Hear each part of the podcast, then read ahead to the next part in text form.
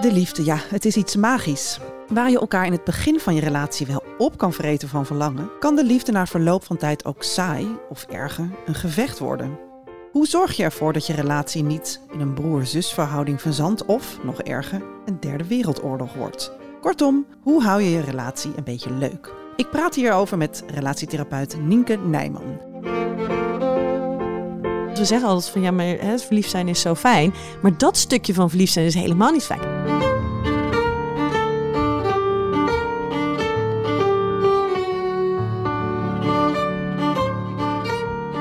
Nienke, welkom. Fijn dat je er bent. Nienke, je hebt een boek geschreven, De Relatie APK. En je praat eh, in verschillende podcasts over, eh, nou, vrij over seks en liefde en relatie. Kun je allemaal volgen. Ehm, straks gaan we het hebben over hoe je het leuk houdt in je relatie en in de slaapkamer. Ik kijk nu al uit naar je praktische tips hierover. Maar eerst, ehm, we zijn allemaal op zoek naar de perfecte relatie. Hè? En de verwachtingen zijn torenhoog. En eerlijk gezegd zijn we ook best een beetje kritisch. Zijn we nog bezig met die verbinding zoeken eh, met elkaar? Of zijn we dat eigenlijk een beetje kwijtgeraakt? Nou, ik denk dat we heel erg op zoek zijn naar de perfecte verbinding. Nou ja. En voor iets anders, eh, nou, ja, met iets anders willen we eigenlijk geen genoegen nemen. Mhm. Dus we zijn heel erg op zoek echt naar die crème de la crème. Echt naar, eh, op, het moet op alle vlakken moet het kloppen, moet het klikken. Terwijl als je dan dus in de kijk, inderdaad kijkt naar, naar, naar 50 jaar geleden, naar 60 jaar geleden. Ja, daar leek de liefde eigenlijk over hele andere dingen te gaan. Ja. Ook niet per se beter, hè? Dus, Nee, niet per se beter. Want ik denk dat er een heleboel mensen eh, gevangen zitten in, in relaties waar ze helemaal niet zo gelukkig eh, Nee. zijn. En waar ze eh, nou ja, echt wel andere beslissingen voor zichzelf mogen nemen.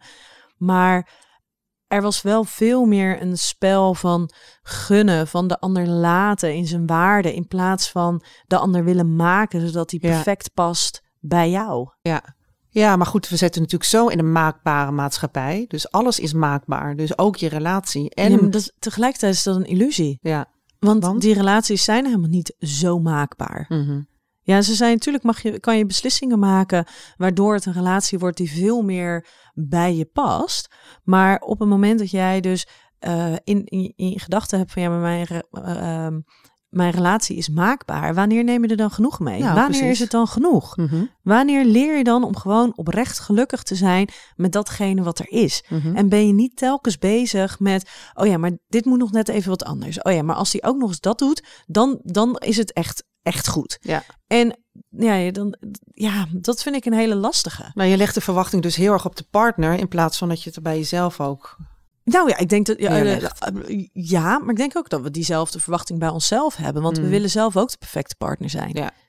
Zijn we onzekerder geworden, denk jij, in, in het zoeken naar een relatie of in het hebben van een relatie? Eh, we zijn, denk ik, vooral veel eisender geworden. Maar ik denk dat veel eisend zijn en onzekerheid wel ergens op hetzelfde spectrum ook liggen. Ja, ja. Hè, want we zijn veel eisender geworden omdat we ook een bepaalde regie willen hebben over, over ons leven. Dus hoe meer eisen we gaan stellen, hoe meer regie we hebben.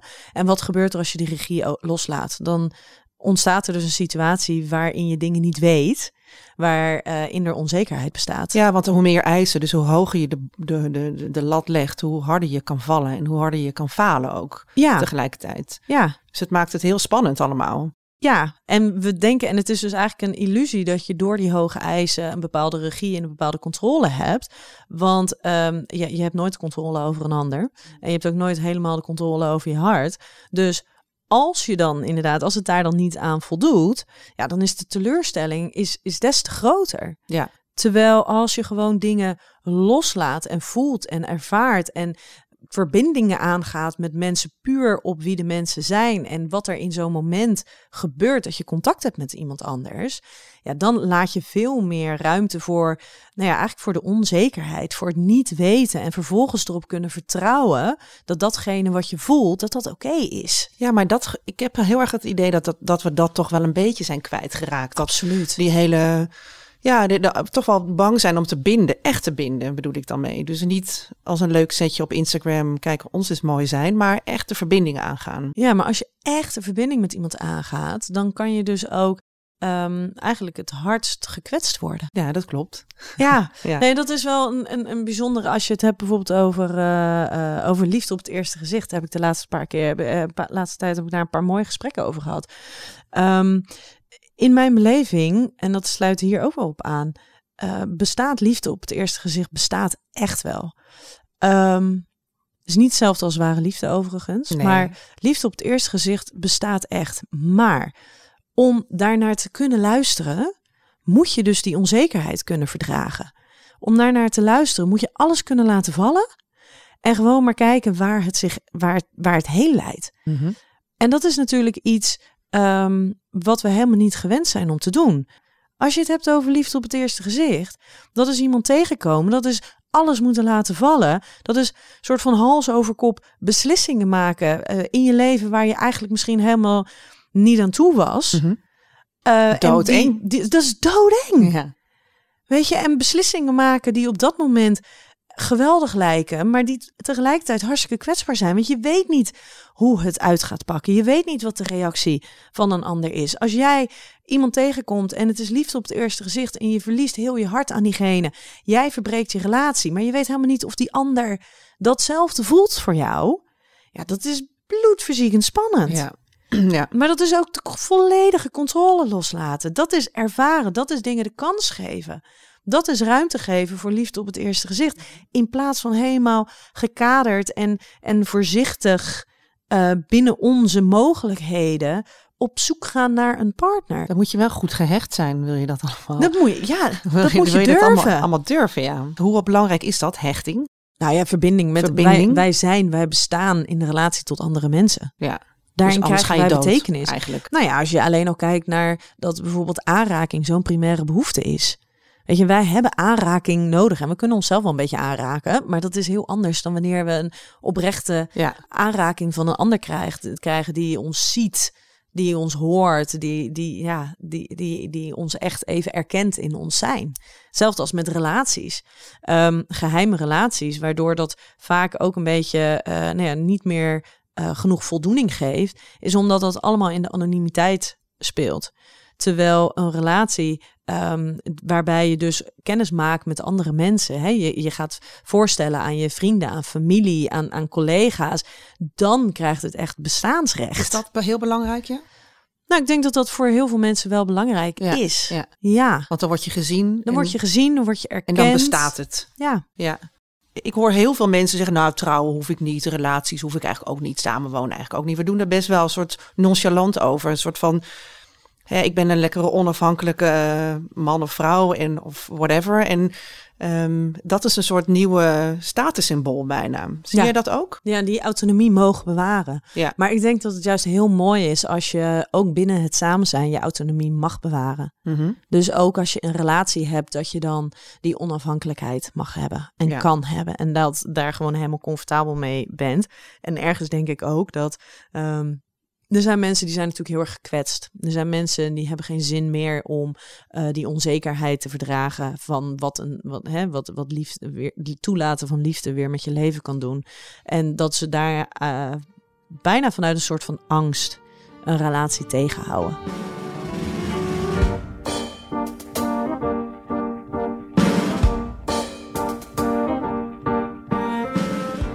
Heb elke week een, eh, een, een stelling die ik, eh, jou wil, die ik mijn gasten wil voorleggen. Dit, dit sluit eigenlijk wel een beetje op aan. Dan komt ie. We zijn eh, te veel met onszelf bezig en we onderschatten de waarde van een relatie. Ja, maar daarbij is dat is absoluut wel waar. Maar ik denk wel dat bijvoorbeeld vriendschappen, echt Mhm. oprecht en waardevolle vriendschappen, ehm, dat die ook echt goud waard zijn. Ja, ja. Er zijn Die vergeten we nog wel eens even voor het gemak. ja. Ja. Ja, Ja. en er zijn, ehm, er zijn hè, mensen bijvoorbeeld met hele hechte, warme familierelaties. Lang niet iedereen, maar de- die ook echt, echt goud waard Ja. zijn en zo van betekenis zijn. Alleen het verschil is natuurlijk met een, een partnerrelatie, met een romantische relatie, is dat er dus iemand zegt die exclusief zegt: Ja, maar ik kies voor jou. Dat is wel een ander gevoel. Het brengt je iets anders. Het brengt je iets anders. Ja. Los van de, hè, de intimiteit, de seksualiteit, de, de, de verliefdheid. Weet je, dat, dat komt daar dus natuurlijk ook nog eens bij. Ehm, maar het is wel, het is wel anders. Stel je hebt wel die leuke man of vrouw of wat het ook Persoon. mag zijn, persoon gevonden. je hebt de ware liefde gevonden en dan, eh, ja, je bent verliefd. En je, in de, en op een gegeven moment gaan die roze wolken trekken een beetje weg. En dan kom je in een soort volgende relatiefase. Ehm hè, want je- wat zijn de belangrijkste fundamenten eigenlijk voor zo'n relatie? Ik denk dat het heel goed is om je te realiseren dat ware liefde of het ware liefde is, daar kom je pas achter als je je leven aan het leven le- bent Ja, ja. samen. Of je dus samen die volgende fase ingaat. Ja, dus eigenlijk die volgende fase ingaat. En dat je dus merkt van, oh ja, maar wij tweeën blijven ook overeind staan. De liefde tussen ons blijft ook overeind staan. Op het moment dat die hele chemische cocktail van die verliefdheid weg is. Want die is er hoor. Ach man, dat is verschrikkelijk. Ehm, Ja? Heb je er iets over kwijt? nee, maar dat is, weet je, zo dat verliefd zijn. Weet je, Ja. er ontstaat zo'n emotionele afhankelijkheid van de ander. Eh, door de adrenaline en de, en de cortisol die wordt aangemaakt, staat je stresssysteem continu aan. Je bent continu aan het analyseren wat zijn mijn beste overlevingskansen. Want je wil, je wil bij de ander zijn, maar je wil ook niet gekwetst worden. Maar dit is toch de meest verschrikkelijke fase? Ja, dat is het ook. En, en wat het dus zo lastig maakt, want we zeggen altijd van ja, maar hè, het verliefd zijn is zo fijn. Maar dat stukje van verliefd zijn is helemaal niet fijn. De endorfines, de, de, de dopamines, die zijn heel erg fijn. En, en dat, dat maakt verliefd zijn eigenlijk bijna een beetje verdraaglijk. Dat je dus bij de ander wil zijn, maar Ja. tegelijkertijd is het bloedfysiek het Oh, spannend. vreselijk. En loop je er helemaal op leeg. Ja. Ehm, je, kan dus ook niet objectief naar de ander Nee. kijken. Dus de ander is altijd geweldig, altijd leuk. En ja, en dat is inderdaad wat op een gegeven moment een beetje weer in balans komt. Gelukkig maar zeg. Gelukkig maar. Maar dan komt dus inderdaad de vraag: ja, maar is het echt? Is de liefde echt? En als je dan daar doorheen bent, door zo'n fase. En je gaat nog een stuk verder en je komt inderdaad in het leven, eh, loop je het aan tegen moeilijke situaties, tegen problemen met familie, eh, conflicten op werk, eh, ziekte, overlijdens. En er gebeuren allerlei dingen in jullie wereld. Maar je merkt, hé, hey, maar jij en ik, wij staan er nog. Onze liefde blijft overeind. Sterker nog, wij kunnen dit samen. Mhm. Dan ga je naar zo'n fase toe dat je kan zeggen, ja, maar is het echt ware liefde? Ja, je hebt, hebt natuurlijk heel veel stellen in jouw praktijk. eh, Die, die komen met problemen. Ik kan me zo voorstellen dat je best wel veel dezelfde problemen ziet. Is dat zo? Of, Ja. of, of valt het Ja, er zijn is voor iedereen anders? Het is uiteindelijk is natuurlijk de uitwerking is voor heel veel mensen eh, anders, maar, maar, maar de, de, de, heel, een aantal basisdingen zie je heel erg terugkomen. En dat gaat natuurlijk heel erg over communicatie. En je communicatie zit overal in verwikkeld. En we zijn zo verdomd slecht in Maar communiceren. hoe is dat nou toch mogelijk? Want wij weten dit toch allemaal? Ja, we maar- weten toch, maar communicatie is key, wordt toch altijd geroepen? Ja, absoluut. En het is ook zo. En ik heb echt een hekel aan cliché eh, eh, uitspraken zoals dat. Maar in deze is dat wel echt zo. Maar Ja. we zijn er zo, zo belabberd slecht in. Ja, hoe Als je is- godsnaam, hoe kan dat nou? Ja, maar als je kijkt naar, naar hoe je een gesprek voert, als jij Mhm. met een, met een vriendin ergens eh, eh, koffie gaat drinken, dan, dan ben je echt aan het luisteren. Je bent aan het luisteren, eh, je kijkt naar, hey, wat, wat, wat straal ik uit? Ben ik aanwezig? Ben ik beschikbaar? Welke woorden gebruik ik? Hoe kan ik afstemmen? Hoe kan ik ervoor zorgen dat ik geen aannames doe, maar dat ik doorvraag, uitvraag? En Alleen dit zijn al elementen waar we eigenlijk nauwelijks de tijd voor nemen bij ons partner. Want we doen, maken over het algemeen een hele grote vergissing. We doen de aanname, aannames zijn over het algemeen nog niet handig, dat wij onze partner door en door kennen. Maar zeker als je een lange relatie hebt, nou en die lange relatie, al, al is, het, is het twee, drie jaar, een mens is continu in beweging, in verandering, in ontwikkeling. Dus ook de dingen die we willen, waar we behoefte aan hebben, dat is iets wat continu in beweging is. dus Ze- zeg maar in die hele, in die hele mengel van, van Chemische hormonen. cocktail. Precies. zat je helemaal lekker in, eh, wel heel gefocust op je partner. Heel gefocust op als de het- als ander. het- ja, als obsessief met elkaar bezig. en het maakt dat we ons heel erg kwetsbaar ook kunnen, kunnen opstellen daarin.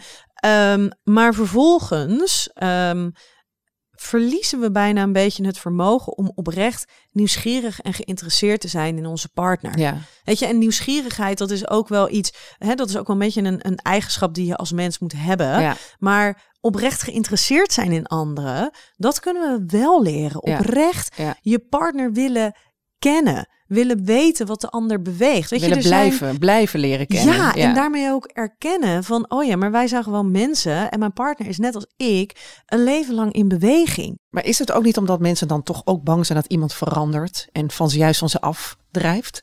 Het is een Ja. beetje paradoxaal eigenlijk, want je zou Maar zeggen, wil, wil je dan in een relatie blijven Nou, zitten ja. met een man of een vrouw of een partner die je denkt te kennen en uiteindelijk niet meer kent? nee, Word je daar goed. gelukkiger van? Nee, dat denk ik niet. Maar er zijn natuurlijk wel veel mensen die dat wel doen. Ja, maar daar zit dan weer een stukje regie willen hebben over de liefde. Ja, over elkaar. Over elkaar en over Ja. de relatie. In plaats van de ruimte geven voor die onzekerheid. De onzekerheid kunnen verdragen en erop vertrouwen dat het niks afdoet aan, aan de liefde. Nee. Nee, dus, dus, dus elkaar loslaten en, en ook, eh, is heel belangrijk. Maar je moet het ook weer aangehaakt blijven. Ja, want het, Basically het dan. is niet zo dat je dan zegt van eh, het interesseert me geen de rol wat je doet en succes. En nee, het is hey, als jij nou dat programma hebt gekeken of jij bent een avond ben je met vrienden weg geweest. Als je dan terugkomt, gewoon thuis, wil ik heel graag weten hoe was het? Ja. Je hebt je gezien, wat voor Was gesprekken leuk? hebben jullie Ja. gevoerd? En dat dat dan niet als beklemmend of benauwend, maar juist als oprechte interesse en nieuwsgierigheid. Ja, dus eigenlijk is het ook een beetje, als je al een tijdje met elkaar hebt, moet je er niet van uitgaan dat je maar bij elkaar blijft, omdat je nou, ooit voor elkaar hebt gekozen. Maar je moet continu ook je best een beetje blijven doen. En blijven checken, hoe gaat het eigenlijk met jou? Ja, en bijna zou je, dat heb ik op een gegeven moment een keertje eh, geroepen. Hè, mijn, mijn boek heet ook de relatie APK. eh, van eigenlijk zou je gewoon elke vijf jaar bijvoorbeeld zo'n zo'n eh, eventjes een check-in momentje moeten Ja. hebben. En ehm, dan ook oprecht moeten vragen aan elkaar, durven vragen aan elkaar. Wil jij nog met mij verder? En want één op de drie huwelijken strandt natuurlijk in Nederland best wel veel. Hè? Ehm, dus je kan je ook afvragen, zijn wij wel voor gemaakt om zo lang bij elkaar te blijven? Ja, want als je kijkt, ehm, dat vind ik altijd wel grappig die vraag. Want als je kijkt naar hoe lang wij ehm, in staat zijn om relaties aan te gaan met mensen, met ehm, bijvoorbeeld onze vrienden. Als ik alleen al kijk naar mijn beste vriendinnen, ja, die, daar ga ik al, al langer dan 30 jaar relaties Ja. mee aan. Ik, ja, dat heb ik natuurlijk ook, maar er is natuurlijk wel een heel andere, een heel andere dynamiek met mijn vriendinnen. Ja, maar Heb ik geen seks? nee, Knuffel ik niet mee? Er zijn N- toch andere, is andere er zitten andere elementen in. Maar wat wij heel goed eigenlijk kunnen binnen, binnen eh, relaties met vrienden, is wij laten onze vrienden veel meer in hun waarde. Ja. Weet je, als een vriendin of een vriend van ons een beslissing maakt waarvan je echt denkt, nou heb je dat kunnen doen? Dan kan je daar wat van zeggen, kan je daar wat van vinden, maar kan je vervolgens denken, weet je, het is jouw leven. Ehm, als ik iets voor je kan doen, laat het me weten en eh, succes. Mhm. Maar je vindt de ander niet minder waard, niet minder leuk. En je verbreekt de vriendschap ook niet meteen. Nee. Terwijl we de neiging hebben om bij onze partner ehm, dat, soort, dat soort momenten veel zwaarder te laten Ja. wegen. Veel groter te maken. Ja, maar ja, je wil ook niet als een broer, hè, je wil niet als een vriend in, in een relatie verzanden waar je in je vrienden wordt. Nee, dat, dat Of klopt. een broer-zus dat relatie. klopt. Maar Dus- toch eh, lijkt het soms alsof we meer aandacht besteden aan onze vriendschappen. Mhm. En die met meer zorg behandelen Ja. dan onze partnerrelatie. Mhm. Ja, nee, dat, dat zou wel kunnen, ja. Weet ik echt niet, want ik heb nog nooit zo'n lange relatie gehad. Dus je moet niet aan mij vragen. Nou ja, en wat, wat daarin ook een hele belangrijke is, en daar is ook echt een heel groot verschil tussen, tussen, nou ja, tussen liefdes- en romantische partners en eh, bijvoorbeeld onze vriendschappen. En ook wel echt één van de fundamenten, ehm, wat gewoon heel belangrijk is binnen een relatie, om dat, om dat fijn te houden voor jezelf. En dat gaat heel erg over behoeftes. Weet je, wat zijn jouw behoeftes? We, we- alles wat wij doen, eh, of we nou ademen, eten, slapen, eh, bewegen, het gaat over het vervullen van behoeftes. En ehm, als vaak wat je ziet is dat voordat we een relatie hebben, zijn wij perfect in staat om onszelf te voorzien in, in, in die behoeftes. En vervolgens krijgen we een relatie en verwachten we eigenlijk dat onze partner gaat voorzien in al die behoeftes. Dus we Mhm. leggen die volledige verantwoordelijkheid bij onze partner. Ja, en dat is een verantwoordelijkheid die je gewoon niet bij je partner neer mag leggen. Nee, Dat kan gewoon dat niet. gaat, dat gaat sowieso een teleurstelling Dat, worden. tuur, ja, en dan worden we net een klein kind. Ehm, want degene die ons het tekort laat voelen in onze behoeften. Hè, als wij bijvoorbeeld behoefte hebben aan, aan fysiek contact. Maar wij, wij vinden dat onze partner die behoefte moet vervullen. Maar we gaan het niet uitspreken. Hè? Nee, nee, nee, wij vinden dat onze partner gewoon onze behoefte moet aanvullen, eh, aanvoelen en aanvullen. En als dat dus niet gebeurt, gaan wij, degene die verantwoordelijk is voor dat tekort, Daar gaan we aan hangen. Nou ja, dus je Daar legt, gaan we aan zeuren. je legt allerlei eh, dingen bij elkaar neer, onuitgesproken. Ja, En, en, en dat zijn hele levensgrote behoeftes. Dus als een ander dat niet vervult, wat maar zo zou kunnen, want je kan al die signalen gewoon missen. ben je gewoon minder gelukkig als mens? Ben je, zit je minder lekker in je vel? Gaat het minder oké met jou?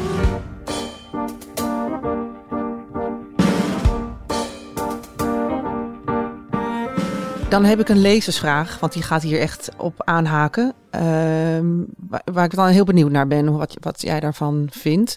Hoi Nienke, ik ben al 17 jaar samen met mijn man. Ik hou zielsveel van hem, maar de seks is al lang en breed de deur uit. We zijn eigenlijk gewoon broer en zus. Ik wil niet bij hem weg en ik zou best wel wat ruimte willen om ja, buiten te spelen. Maar mijn man wil dat absoluut niet. Wat moet ik doen? Nou, dat is, eh, dit is een vraag waar natuurlijk heel veel mensen eh, tegenaan lopen. Sowieso is het goed om te weten ook dat zonder dat er ruimte is om, eh, om, om contacten met anderen aan te gaan, dat er echt nog wel wat te doen is om die seksualiteit ook binnen een lange relatie weer een beetje aan te wakkeren. Maar dan gaat natuurlijk wel om van ja, ehm, kan- wil je, ben je bereid om erin te investeren? Moeilijk hoor, lijkt mij. Poh. Ja, dat is ook. heel- Nou ja, Lijkt me heel lastig dat als, het, als je het gevoel niet meer hebt, dat je dan dat, ja, dat, je dat toch weer gaat opmoeten. Dat je, dat je ergens op zoek moet naar iets waar het. ja, maar het gaat ook heel erg over jezelf. mm, Weet je, hoe, hoe zit het met je eigen seksualiteit? Hoe is de interactie tussen jullie? Want als, als die seks er al een hele lange tijd niet meer is, ja, seks, het seksuele systeem, je hoofd en je lijf werkt een beetje als use it or lose it. Dus als jij dat al jarenlang niet meer hebt aangesproken, gaat het ook niet ineens spontaan weer lopen. Het gaat daarin dus ook heel erg over weer niet de verantwoordelijkheid leggen bij jouw partner. Dat jouw partner jou gaat aanzetten. nee. Dat je jezelf aan gaat zetten. Ja. Dat je daar zelf mee aan de slag gaat. Mhm.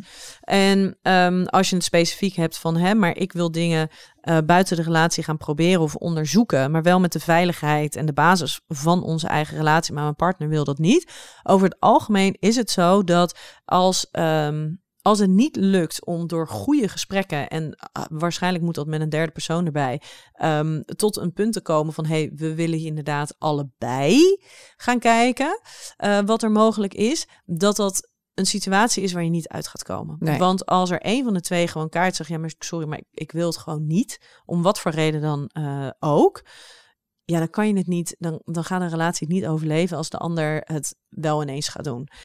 Dus, wa- want hoe belangrijk is seks dan in een relatie? Nee, het is zo belangrijk als dat je het zelf maakt. Voor sommige mensen is het onwijs belangrijk, heeft heel veel betekenis, maar belangrijk eh, vinden van seks heeft niet altijd wat te maken met frequentie. Ik bedoel, je kan één keer in de twee maanden seks hebben met z'n tweetjes en dat en en en En dat geweldig Seks. hebben. Ja. Precies, en het geweldig hebben en seks onwijs belangrijk vinden. Ja. Maar andere mensen die daar, ja, daar, daar wordt belangrijk vinden wel weer in frequentie geuit. Ehm, maar daarin denk ik dat seks door heel veel mensen echt wel veel te belangrijk is gemaakt. En dat er een heel groot verschil is tussen het willen hebben van seks, omdat je daar zelf naar verlangt, en het willen hebben van seks, omdat je denkt dat dat verwacht wordt. Ja, ja. Voor mij, wat mij betreft, is bijvoorbeeld intimiteit is duizend malen belangrijker.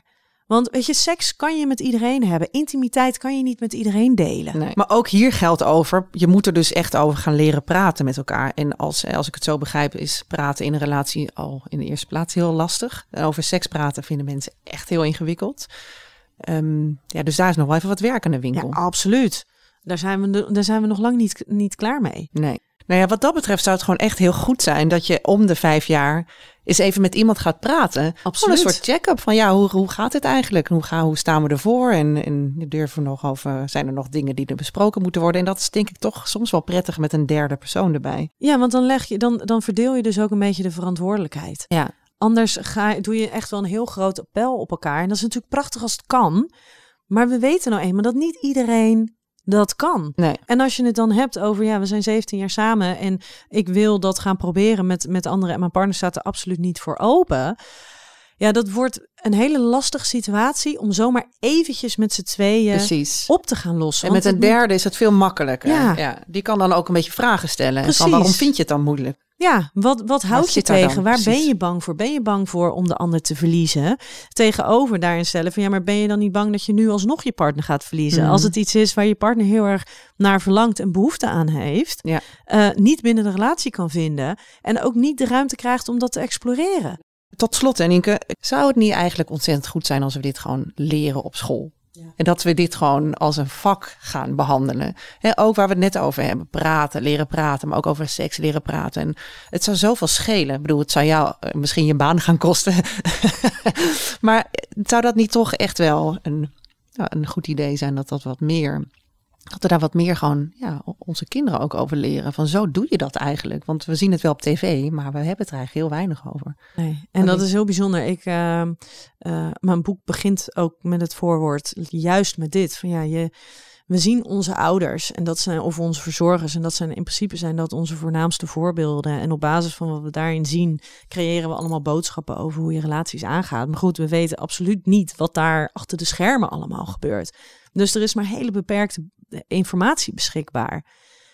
En dat is zo bijzonder dat er zoiets, zoiets belangrijks is als het aangaan van relaties met andere mensen. En wat dus via die hechting dus echt al van of, vanaf, nou ja, vanaf het moment dat we gecreëerd worden. Want hè, al als je, als je nog in de buik zit, daar begint het al. Eh, in hoeverre er dan stress aanwezig is, of dat het veilig is en liefdevol is. Dat er dus zoiets belangrijks als die blauwdruk voor hoe gaan wij de rest van onze leven relaties aan met andere mensen.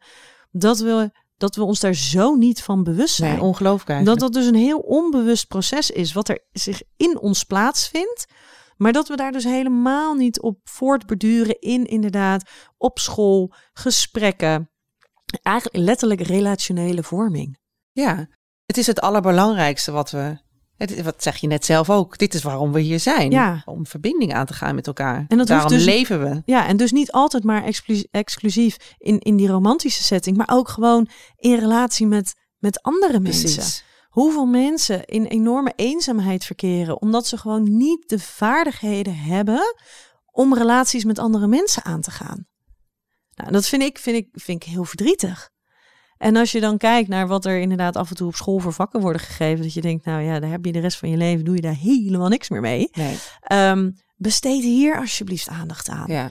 En, en dat gaat natuurlijk ook over dat stukje seksualiteit. Weet je, hoeveel, hoeveel verdriet en, en ongemak en schaamte er weggenomen kan worden door net even wat meer informatie. ja. Leer het onze kinderen. Ja. Leer het elkaar. Ja. Ja, En je bent trouwens ook nooit te oud om te leren. nee, absoluut niet. Nee. En in zowel op relationeel gebied als op seksueel gebied eh, ben je een heel leven lang in beweging. Want in elke fase van je leven, in elke, elke relatie, ehm, heb je andere behoeftes. Mhm. Ja, dat stopt niet. Nee, dat stopt niet. Nee. Dat is ook wel weer mooi. En daar naar leren luisteren, maar ook vanuit dat standpunt een soort van het eigen initiatief mogen nemen. Om dus heel bewust te kijken van, hé, maar wat heb ik nou nodig op relationeel of seksueel gebied? Dat het gewoon heel legitiem is. Mhm. Want je bent nu niet dezelfde persoon als 10, 15 jaar geleden. Als je kijkt naar hoe jij nu in het leven staat, relationeel en seksueel gezien. En jij dacht dat jij 15 jaar geleden al, al de wereld had uitgevonden. Nou, Dat je toen al wist hoe die werkte. nou. Kan je vertellen?